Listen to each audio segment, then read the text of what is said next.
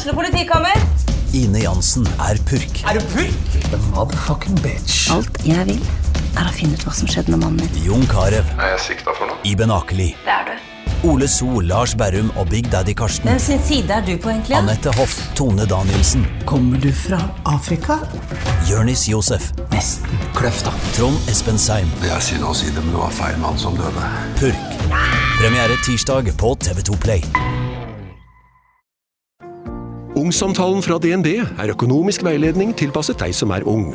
Bokk en ungsamtale på dnb.no. slash ung. Det er kjempebra hvis du skal inn på boligmarkedet, hvis det er drømmen din, liksom. Det er det du skulle sagt. Og så kunne du ropt litt mer, da, sånn som jeg gjorde. Bam! Oh. Der er det mandag. Ja. Og hørte det var sånn deilig brus som det bruker å være av sånn øl og sånn på reklame. Ja, øl. Jeg vet ikke helt om det er noe jeg forbinder med digg brusing, men eh, Nei. Nei. Nei. I desember 2019 ble jeg og flere av kollegaene mine permittert fra firmaet vi jobbet i. Og da hadde jo ikke jeg engang hørt om ordet permittert, men det var jo et ord som ble veldig kjent for veldig mange eh, sånn to-tre måneder etterpå. Og en av de kollegaene mine der som ble permittert samtidig som meg, det var Kaja Høglund. Hun fikk seg ny jobb igjen, men så ble hun permittert på nytt da pandemien inntraff. Og selv om det høres ganske negativt ut, så var det faktisk to permitteringer som skulle til for at Kaja turte å satse på drømmen sin. Og nå så driver hun faktisk eget klesmerke fra soverommet sitt. I hermetegn, soverommet. Det er vel litt forskjellige steder. Eh, og hun jobber jo faktisk døgnet rundt nå for eh, å dekke den etterspørselen hun har laget. Så vi tenkte å ta en liten prat med Kaja. Så velkommen til Glitter og gråstein. Vi gleder oss til å prate med dere.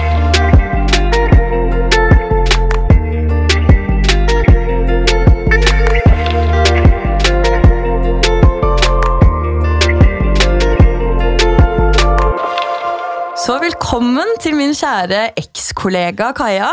Jo, tusen takk. Det er veldig hyggelig å være her. Vi tenkte egentlig for å bli litt bedre kjent med deg, og la de andre bli litt bedre kjent med deg, at vi skulle stille deg fem kjappe spørsmål. Eh, Så vi har noen på lur her, og det første av dem er ASL. Og det vet du ikke hva det betyr. Det betyr age, sex, location. Husker du når vi hadde sånn her eh, typ chattrulett og sånn, så var det alltid normalt. Og på sol.no sol.no, sånn tegnespill og MSN og sånn. Nye folk, ASL, ASL, spørsmålstegn. Jeg tror jeg aldri har vært eksponert for det. Men, men dere er litt yngre enn meg, da. Så kanskje det er det at dere er Men det er mange som er yngre enn oss som ikke vet om det heller. Nei. Så kanskje vi har liksom truffet en sånn ASL-gullalder. Ja, det kan være. Mm. Og vi lurer jo på ja. ASL. Age, det er 27. ja, Sex, det er. Og location, det er Drammen. Oi! Mm. Mitt gamle hjemsted. Ja. Og så lurer vi på, om du skulle gifta deg i dag, hvem hadde det blitt med? Det hadde blitt med kjæresten min, Martin. Å, så koselig! Eh, og hvem er du når du er full, hvis du skulle beskrive det med tre ord? Og jeg er ganske høylytt. Snakker veldig høyt, sånn uten at jeg vet det selv. Eh, og så er jeg alltid blid. Og så sovner jeg. Jeg er den første som sovner.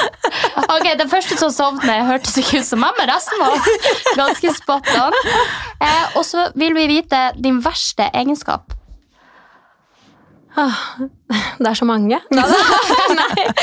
Verste som jeg kan komme på akkurat nå Åh, Det er sånn når du blir satt sånn på s- Ja, for, min, for min, Jeg kan bare si min, da. Min er prokastinering. Jeg vet at jeg må gjøre noe, men jeg skyver det så lenge at jeg egentlig burde ha gjort det for lenge siden. Hvis du skjønner hva jeg mener.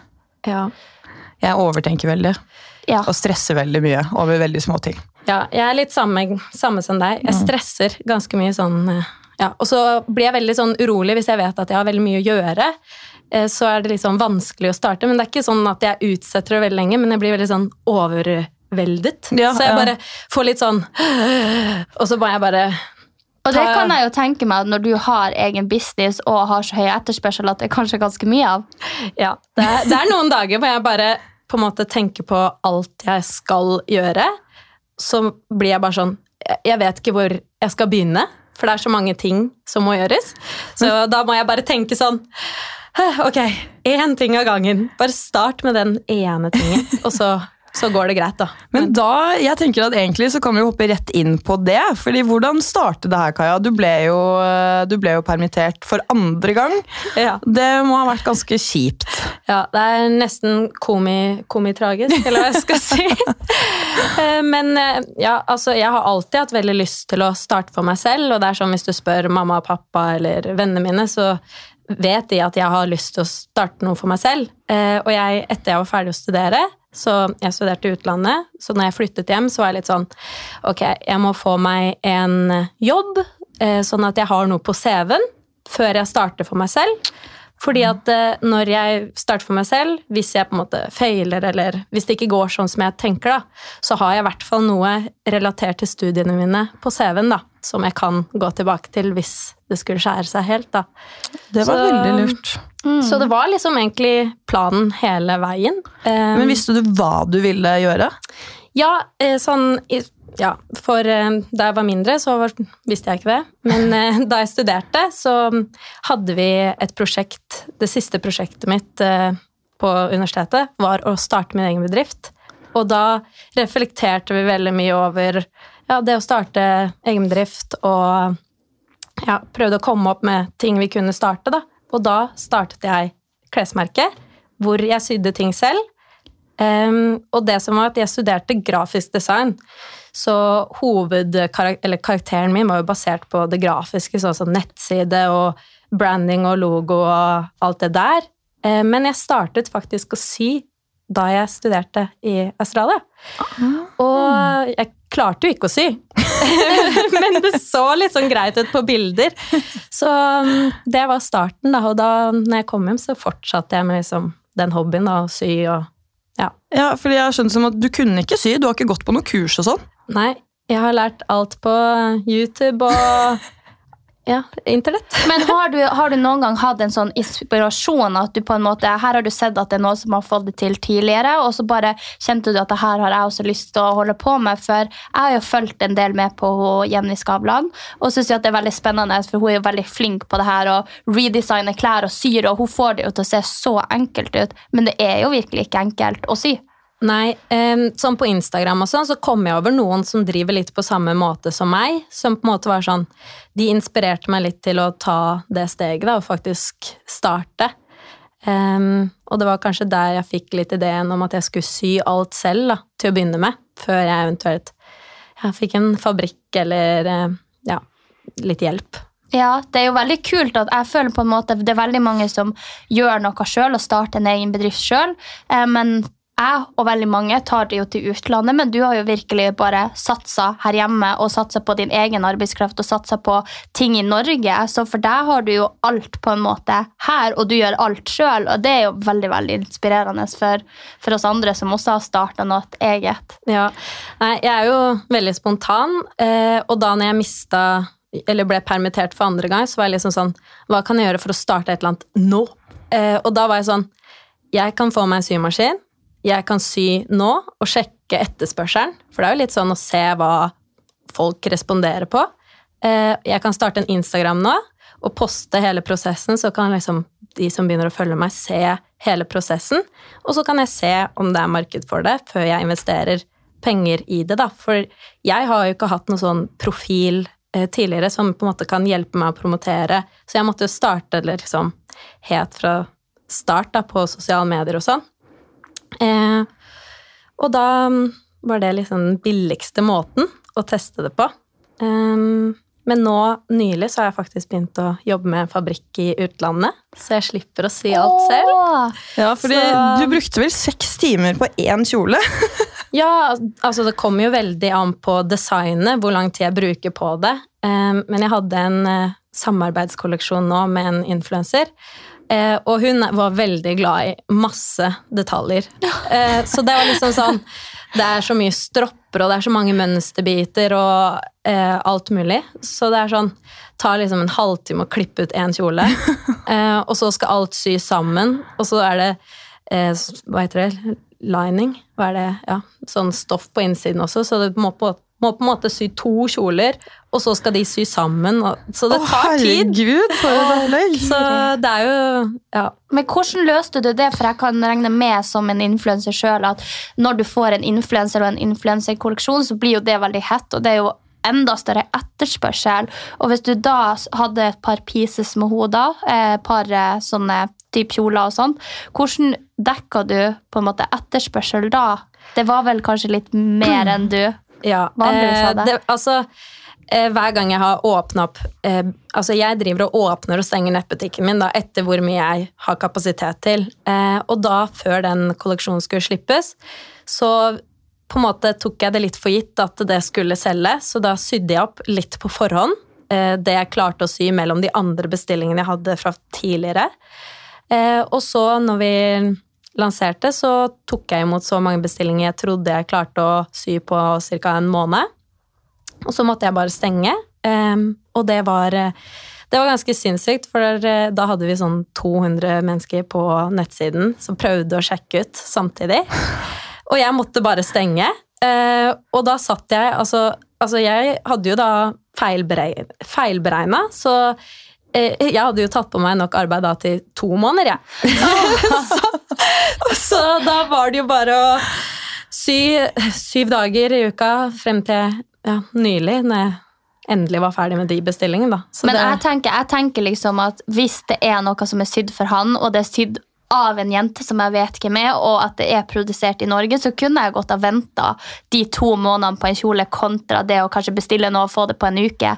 Så jeg syns egentlig jeg synes det blir litt mer lukrativt sånn som du gjør det, og jeg tror det er en veldig smart businessmodell, fordi jeg kjenner også noen andre som har et klesmerke, og som også har De kjøper inn for lite til at de akkurat ikke rekker over hvor mye etterspørsel de har, for da vil det liksom bli resolgt, eh, og det ser ut som det er veldig sånn hypa, da, fordi at da når det selger ut, så selger de det på Tice, og de selger det på eksempel Finn, eh, for en høyere pris enn det egentlig koster.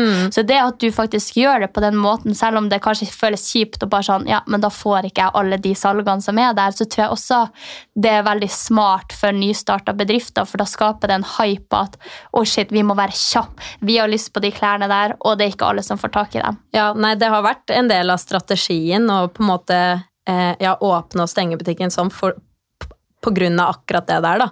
Um, og jeg har, jeg har testa litt forskjellige ting. Jeg har testa også sånn pre-order, sånn at de kan legge inn bestilling når de vil, og så bare jobber jeg med det. Så, men da er det på en måte lengre ventetid. Og da merker jeg at det, da, det, da får jeg ikke like mange salg, bare fordi at det, det er tilgjengelig hele tida, da. Uh, og da Ja, de vil heller liksom være med på det droppet, da. Shit, det er ganske interessant. Ja, det er det. Men det er sånn menneskehjernen Jeg føler den fungerer sånn at ting du ikke kan få, det har du ekstra lyst på.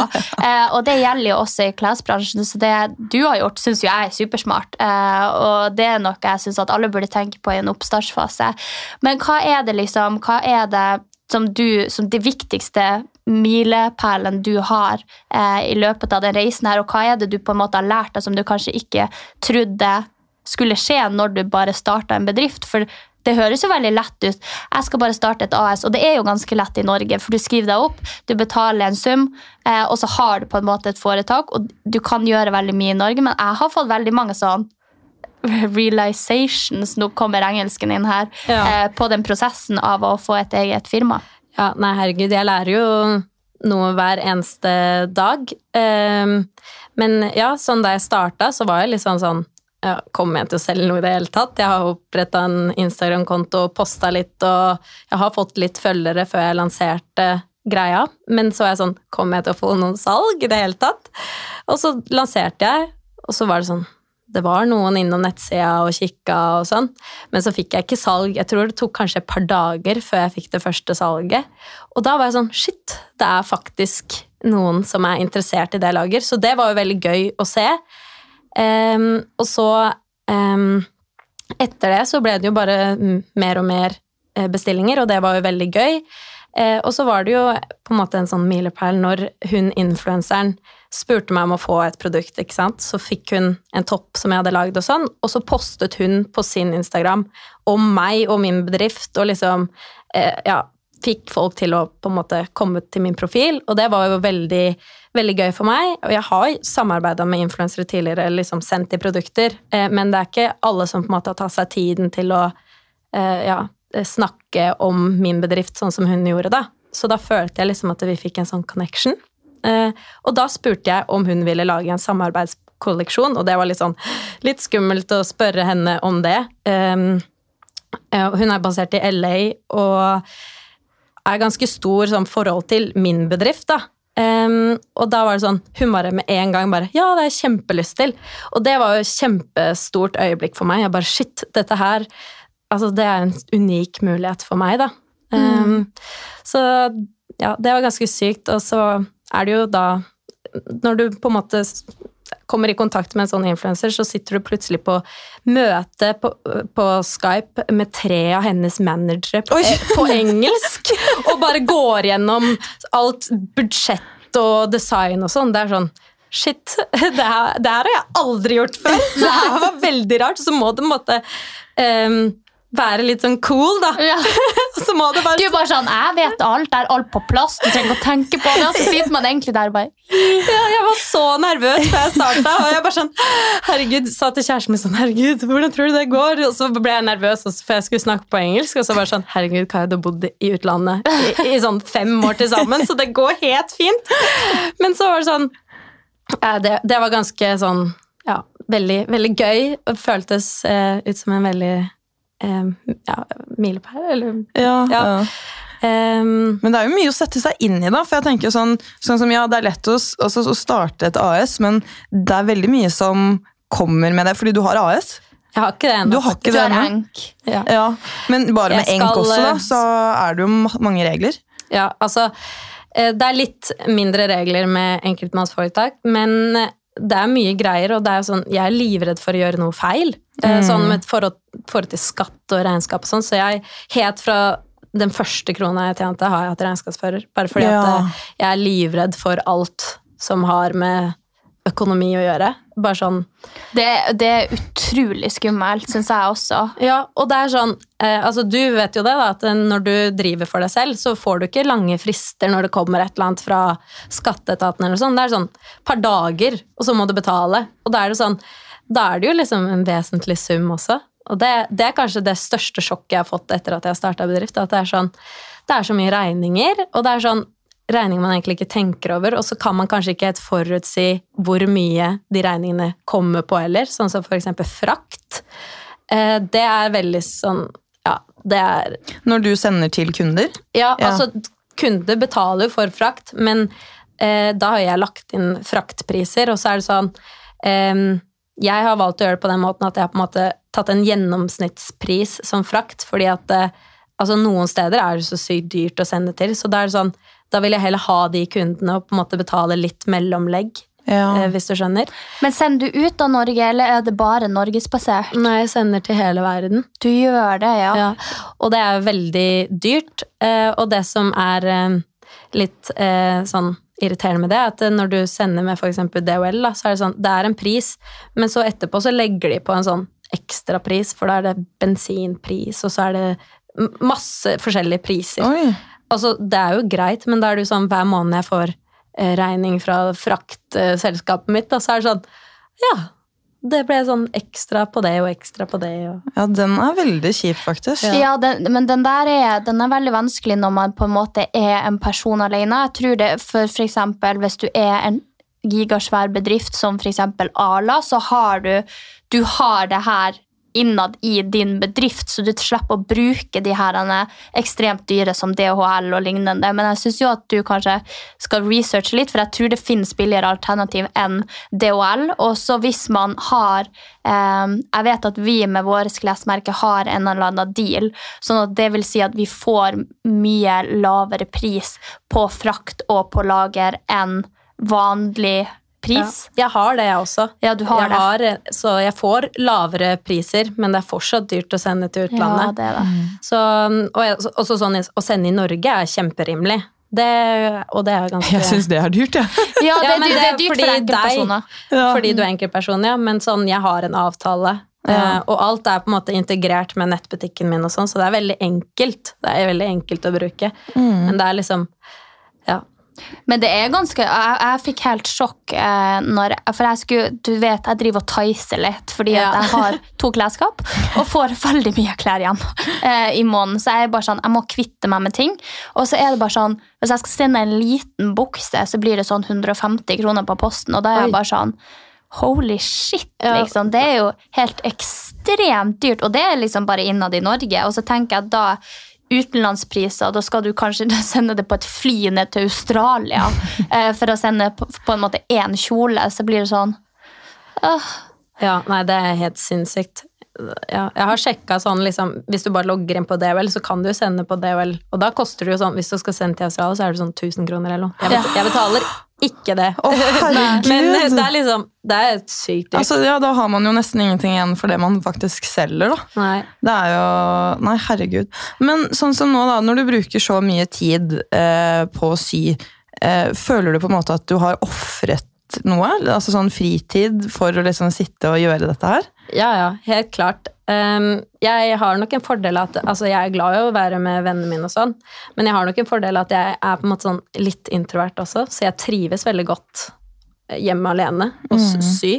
Men uh, det er jo sånn Det er jo kjipt å sitte i helgen og sy, eh, men jeg blir jo med på ting hvis folk gjør noe.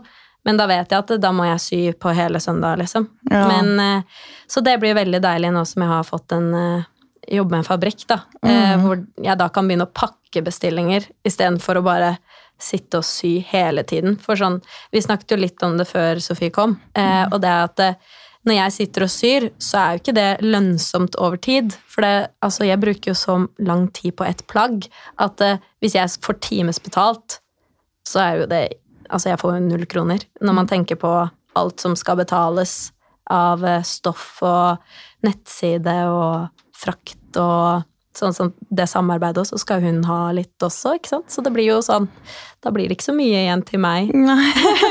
så eh, Ja, så det blir jo litt bedre når jeg har litt på lager, da. Men jeg, jeg tror på en måte også at det har vært fint at du har gjort det på denne måten. og Jeg tror det er derfor veldig mange også snakker om når de starter en bedrift, at det er aldri som regel i hermetegn, aldri lønnsomt å starte en bedrift i starten, for det er så mye kostnader, det er så mye du skal sette deg inn i, du er momspliktig, det er skatt, det er som du sier stoff, det er arbeidskraft, du bruker liksom seks timer. Men så vil jeg også tro at hadde du starta kanskje med en gang på scratch på det der at du, du skaffa deg en stor bedrift, eh, det var masse eksemplarer av det, så tror jeg på en måte ikke du hadde vært der du er i dag. Nå, nå har du på en måte bygd opp en sånn organisk bedrift der du har stått i front, og du har faktisk fått det til, som er dritkult. Eh, du har en skikkelig fin Instagram, skikkelig fine plagg som du har laga med dine hender, som jeg syns er av stor verdi. da. Og da når du flytter det på en måte til den fabrikken, så vil jeg også tro at det lønner deg mye mer at du faktisk har gått gjennom den, på en måte den tøffe perioden. Eh, og jeg lurer jo veldig på eh, hvordan det har vært for deg, fordi at jeg har jo også jobba så vanlig, altså under en sjef og eh, i andre settinger som på en skole, så lurer jeg litt på hvordan syns du det er kontra den jobben du hadde før du ble permittert, og det å faktisk starte for deg sjøl og gjøre alt sjøl. Syns du det er deilig, eller syns du at det var litt diggere å jobbe faste timer? Um, nei, jeg syns det er veldig deilig. Altså, jeg elsker å jobbe. Eh, sånn, jeg elsker å ha noe å drive med. Så når jeg jobba i en ja, vanlig jobb, så når jeg kom hjem fra jobb da, så satt jeg med kreative prosjekter hele kvelden. For det, det er det jeg gjør på fritiden min. da. Eh, så for meg å styre hverdagen min sånn som jeg gjør nå, det er gull verdt. Og jeg jobber gjerne sju dager i uka for å være min egen sjef. Fordi altså, det er ikke det at jeg har noe imot å jobbe i et annet firma og ha sjef og sånn. Jeg takler det fint. Men jeg, jeg setter, verdsetter veldig den friheten du får da, når du driver for deg selv. Eh, og så er det sånn, ja, det er mye jobb, eh, men for meg så er det helt klart verdt det. Eh, og jeg elsker å kunne liksom Altså hvis jeg vil gjøre noe på dagen, da, ta en løpetur, så gjør jeg det. Men da må jeg kanskje sitte litt lenger på kvelden. Da. Det går helt fint. Herregud, så, ja, så deilig. Og i hvert fall når det er noe du liker så godt å holde på med. da. Sånn som du sier at Det har vært noe du har gjort på fritiden, og så gjør du det om til jobb. Ja. Det er jo veldig fint. Men sånn som jeg bare sånn at vi, du kommer ikke til å slutte å sy, selv om du har fått fabrikk. Nei, nei, nei. Nei. Og jeg, sånn som du sa også, eh, at du tror det var en fin måte å starte bedriften på, og det er jeg helt enig i. Og jeg tror ikke jeg hadde vært der vi er nå hvis jeg ikke hadde gjort det. Og jeg har bygd en relasjon med de som følger meg. Eh, jeg sitter jo og snakker med de hver dag, og det er, ja, det er veldig givende, det også. Det, ja, det ville jeg ikke vært foruten. Jeg tror ikke det hadde vært det samme hvis jeg bare hadde starta et merke det med fabrikk med en gang. Det hadde ikke vært den personlige touchen da, som jeg tror er veldig viktig. Jeg tror det er hovedgrunnen til at jeg har lykkes så bra som jeg har gjort på så kort tid. Um, ja. Og fordi du er veldig Instagram-vennlig. Vi har sittet og bladd vi har sittet og bladd på profilen din. Jeg bare sånn Wow, nei, er det hun? Ja. Jeg bare wow. Men det er liksom litt sånn der når jeg møter folk som er bedre på Instagram enn meg sjøl. For du også er jo veldig flink på sånn at det skal se fint ut i feeden, at fargene skal passe sånn. Det har jeg aldri skjønt meg på. Så for min del er det bare sånn ja. Men ja, off, nei, du slipper mye stress hvis du ikke tenker på det. det sånn. Man blir jo helt syk i hodet av å tenke, tenke på at ting skal være koordinert og sånn. Nå har det jo blitt litt mer sånn greit at ting skal være litt mer casual og sånn på Instagram. da. Så jeg prøver det, å liksom poste litt mer sånn casual bilder. Litt sånn, altså De bildene jeg har posta nå i det siste, som jeg vet ikke om du har sett de, de som er fra det opera huset, eller Ja. jeg så i hvert fall Jeg, så, eh, jeg var- var inne på Insta-profilen, så jeg skal jo bare si hva jeg la merke til. Men det var den der shooten når alle hadde sånn, typ, sånn små sløyfer i håret. Oh, ja, ja, det var Ja. med hun influenseren. Ja, for det, Den syns jeg var veldig fin. Og så den der kjolen som du laga til henne, den syns jeg også var bare helt sånn dødsfin. Og så husker jeg tidlig når du starta, at jeg så de silkeblusene dine. Ja. Og da husker jeg jeg sa fader, jeg har lyst på en sånn. Jeg skulle spørre, men så glemte jeg det helt av. Jeg vet ikke hvem det var. så Det var en eller annen som hadde den, som var fra deg. og jeg ja, Jeg skal ikke nevne navn, men, eh, men ja, en av venninnen til Anja tror jeg kanskje hadde det. Det stemmer nok. Ja. oh, nei, herregud. Det er, eh, det er veldig inspirerende, for jeg tror veldig mange har gått med en sånn drøm da de var litne, eller i hvert fall hvis man er kreativ. Og jeg ser jo det, Vi spurte på Glitter og gråstein hvor mange som har hatt lyst til å starte for seg selv. Og det var jo noe sånn 80% av de som svarte, har jo hatt lyst til å starte for seg selv. Og jeg også, da jeg var liten, satt jo og tegnet på T-skjorter og liksom prøvde å sy klær til bamsen min og sånn. Det funka ikke, for å si det sånn. Nei, altså det funker altså, Man er jo ikke dritgod når man starter. Nei. Man må gjennom den der. det, er det, ja, for hva er ditt beste tips, tenker jeg. sånn. Er det, bare, det er stygt når det starter å bli fint, eller hva? Det, er altså mitt beste tips med, angående sying. Er det det du tenker på? Ja, eller generelt sånn å starte for seg selv og begynne med noe helt nytt. da. Ja, nei, jeg tror jo veldig på eh, sosiale medier. da. At man må starte på sosiale medier med en gang man starter et eller annet. Og at det, man må dokumentere prosessen. Folk elsker å følge med på prosessen. da. Se hvordan du liksom utvikler deg. Jeg får meldinger daglig av folk som bare sånn 'Å, jeg har fulgt deg siden starten, og det er så fantastisk å se merket ditt vokse og se hvordan du utvikler deg', og sånn. Og det tror jeg er veldig viktig. Eh, og i hvert fall, altså sånn, Hvis man starter, så er det ikke alltid man har liksom masse budsjett til å reklamere, og man vet ikke hva som funker, eh, man vet ikke hva folk responderer på. Og da er det bare å teste liksom i sosiale medier, og begynne å snakke med folk og, på sosiale medier, og liksom lage et community, da. Jeg tror veldig på det. Um, Herregud, for vi har jo vi har fått inn noen få spørsmål, og det også er jo litt av det som du snakket om der, det der med kapital. Eh, hvordan man får penger til å faktisk starte med noe. Men som du var, du var litt inne på det i stad, at du har jo på en måte gått den billigste veien. Mm. Jeg, altså jeg tenkte bare sånn Jeg satt for meg selv og så var jeg bare sånn Hva kan jeg gjøre i dag for at jeg kan starte? Og da var jeg sånn Jeg kan lage det selv. Da må jeg bare på en måte ha en symaskin, og så på en måte investere noen timer i det. Men, uh, Men hvordan fikk du, for jeg tenker, du ble jo permittert to ganger, så du var jo permittert to ganger før du startet. Hvordan hadde du da kapital til for eksempel å innkjøp, for du måtte jo ha, mm. regna med, stoff og litt sånn forskjellig Ja. til å starte med? Jeg hadde en eh, Altså, den Jeg ble jo ikke direkte permittert eh, sånn med en gang jeg starta i den nye jobben, så jeg jobba der en stund, og da altså, det må jeg faktisk trekke frem, at det er veldig fantastisk å bo i Norge. Fordi når du blir permittert, så får du dagpenger som er en så og så stor prosent av lønnen din eh, det siste året, ikke sant. Eh, og hvis du har tenkt å starte for deg selv mens du har dagpenger, så er det mulig å søke om å beholde dagpengene inntil et år når du starter for deg selv. Så det gjorde jeg. Og da må, du bare, da må du liksom bare sette opp en businessplan, og så må du betale litt penger. Du må sende det inn til en eller annen som skal vurdere det. Eh, og så vurderer de, og så godkjenner de, eller ikke godkjenner, da. Og da får du dagpenger sånn som vanlig, da. Og det kommer jo veldig an på hvor mye du har tjent det siste året, hvor mye du får utbetalt i måneden. Men jeg hadde jo hatt en hva skal jeg si, voksenjobb i over et år. Eh, så da var det liksom, da kan jeg, kunne jeg leve av de pengene jeg fikk der. Og da eh, Mamma og pappa kjøpte en symaskin til meg, så det var liksom greit.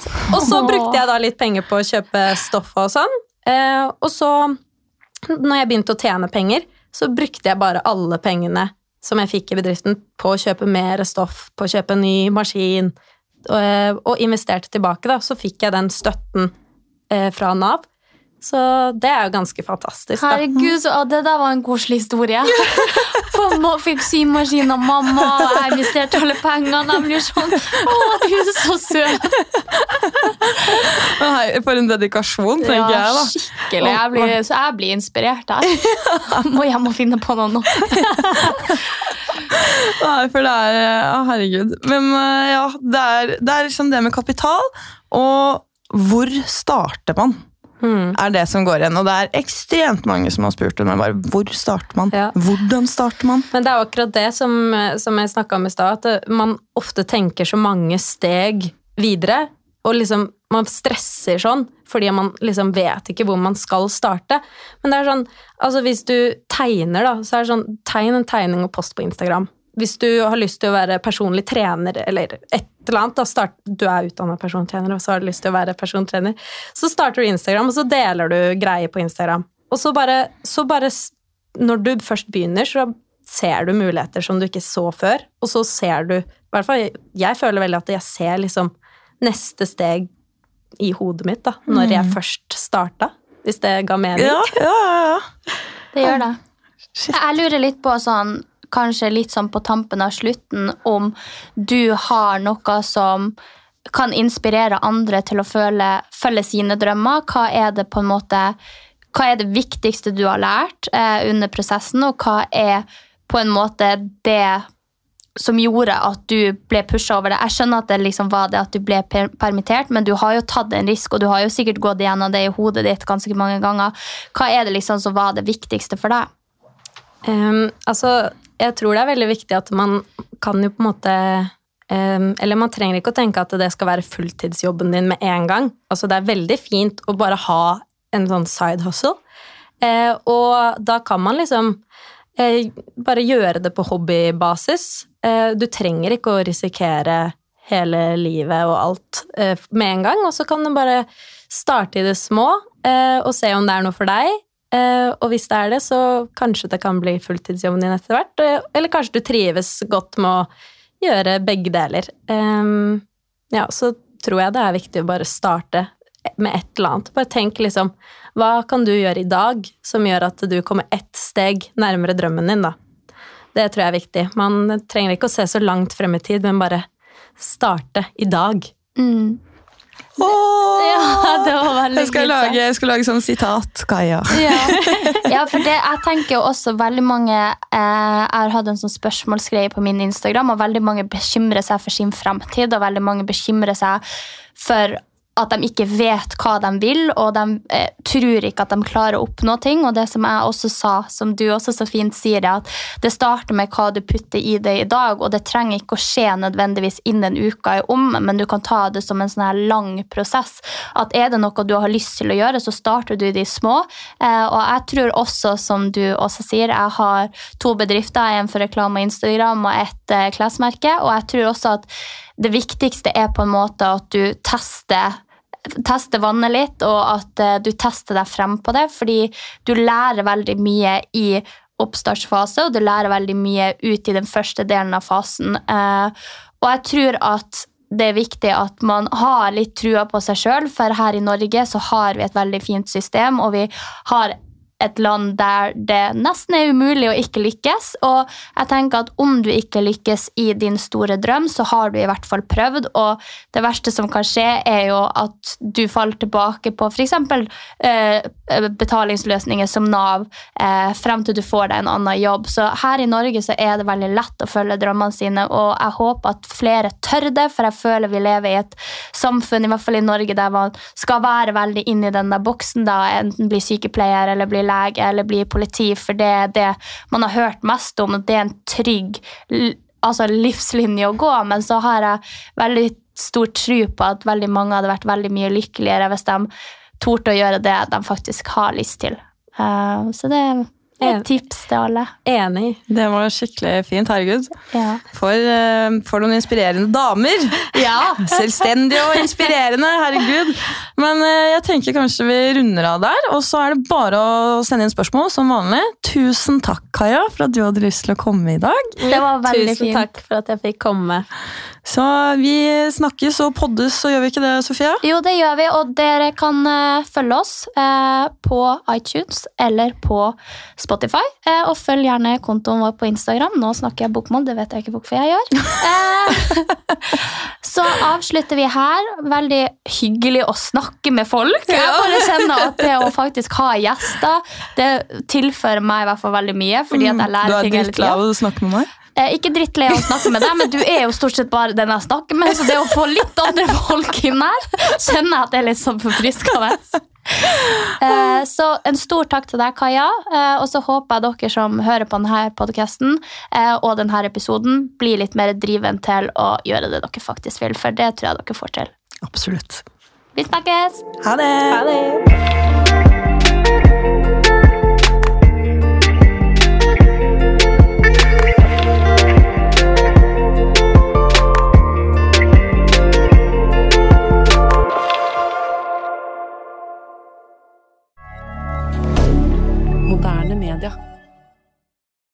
Har du et enkeltpersonforetak eller en liten bedrift? Da er du sikkert lei av å høre meg snakke om hvor enkelt det er med kvitteringer og bilag i fiken, så vi eh, gir oss her, vi.